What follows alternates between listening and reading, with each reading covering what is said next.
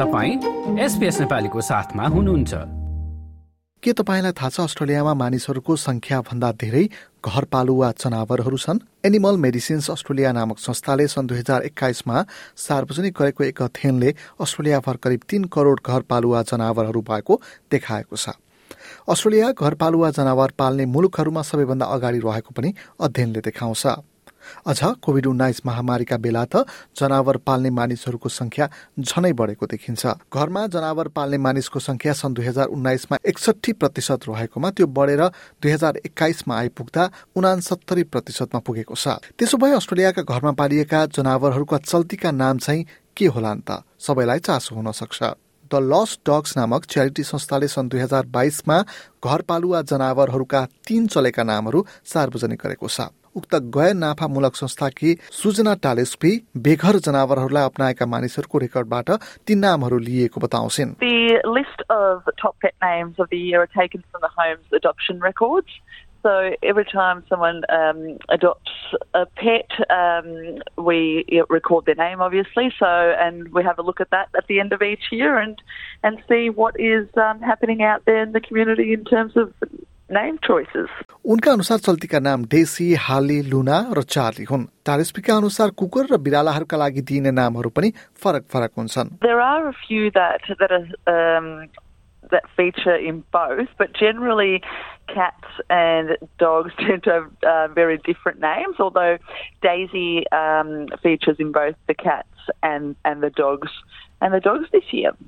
So for for our dogs this year, um, in with females, Daisy and Honey were the top two. For the males, it was Harley and Frankie.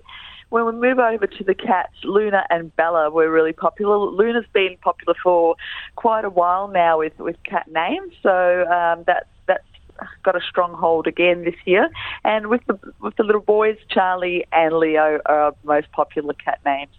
उनका अनुसार नामहरू fashion जस्तै कहिले कुनै नाम निकै चलेका त कुनै नाम बिस्तारै हराउँदै जाने पनि हुन्छन् We're no longer seeing the um, the names such as Fido and those kind of names. They've they've um, slowly exited um, the vocab. But what we're seeing now is more of a trend towards sweeter sounding names and um, names that are associated with food um, seems to be something that is growing in popularity. There, there's also uh, we're also seeing still a strong element of traditional names Uh, that have continued from last year, such as Charlie and Leo.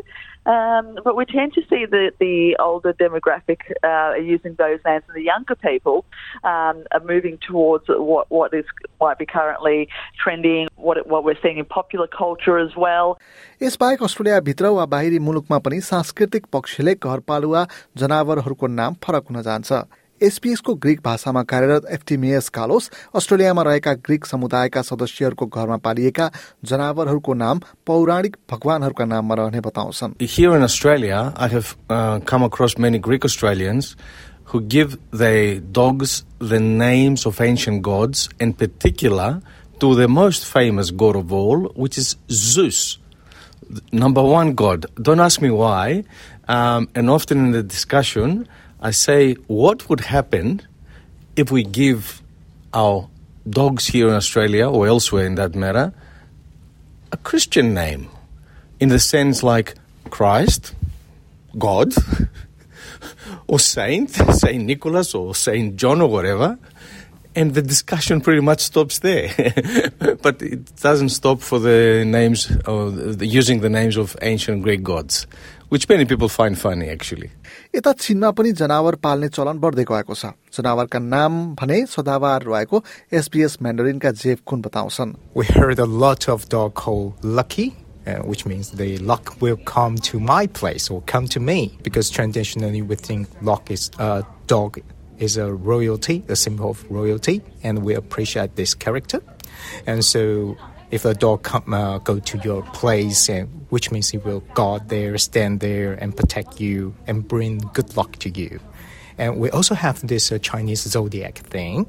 So that's I think that's the Chinese thing. We think everything will bring good luck to us. यता SPS गुजरातीका digital content producer Batsal Patel भने भारतमा धनाढ्यहरू माझ मात्र जनावर पाल्ने चलन रहेको बताउँछन् So you don't have you don't own that pet and cats, but uh, yeah, absolutely you might feed them in your daily routine uh, some foods 365 days in a year. Yeah.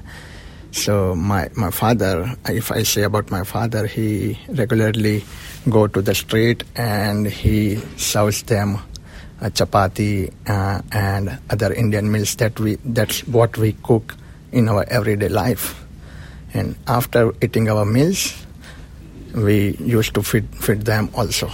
The last dogs कि टालिस्की भने आफूले पाल्ने जनावरलाई के नाम दिने भनेर सोच्नु अघि आफूले जनावरको जिम्मेवारी लिन सक्छु कि सक्दिन भनेर सोच्न जरुरी रहेको बताउँछिन्। साथै उनी जनावरहरू किनेर घरमा लानुभन्दा घरबारविहीन जनावरहरूलाई अप्नाउन सुझाव दिन्छन्।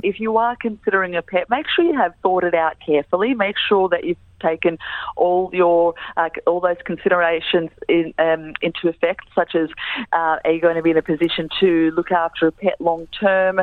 Can you afford its uh, vet and food bills ongoing?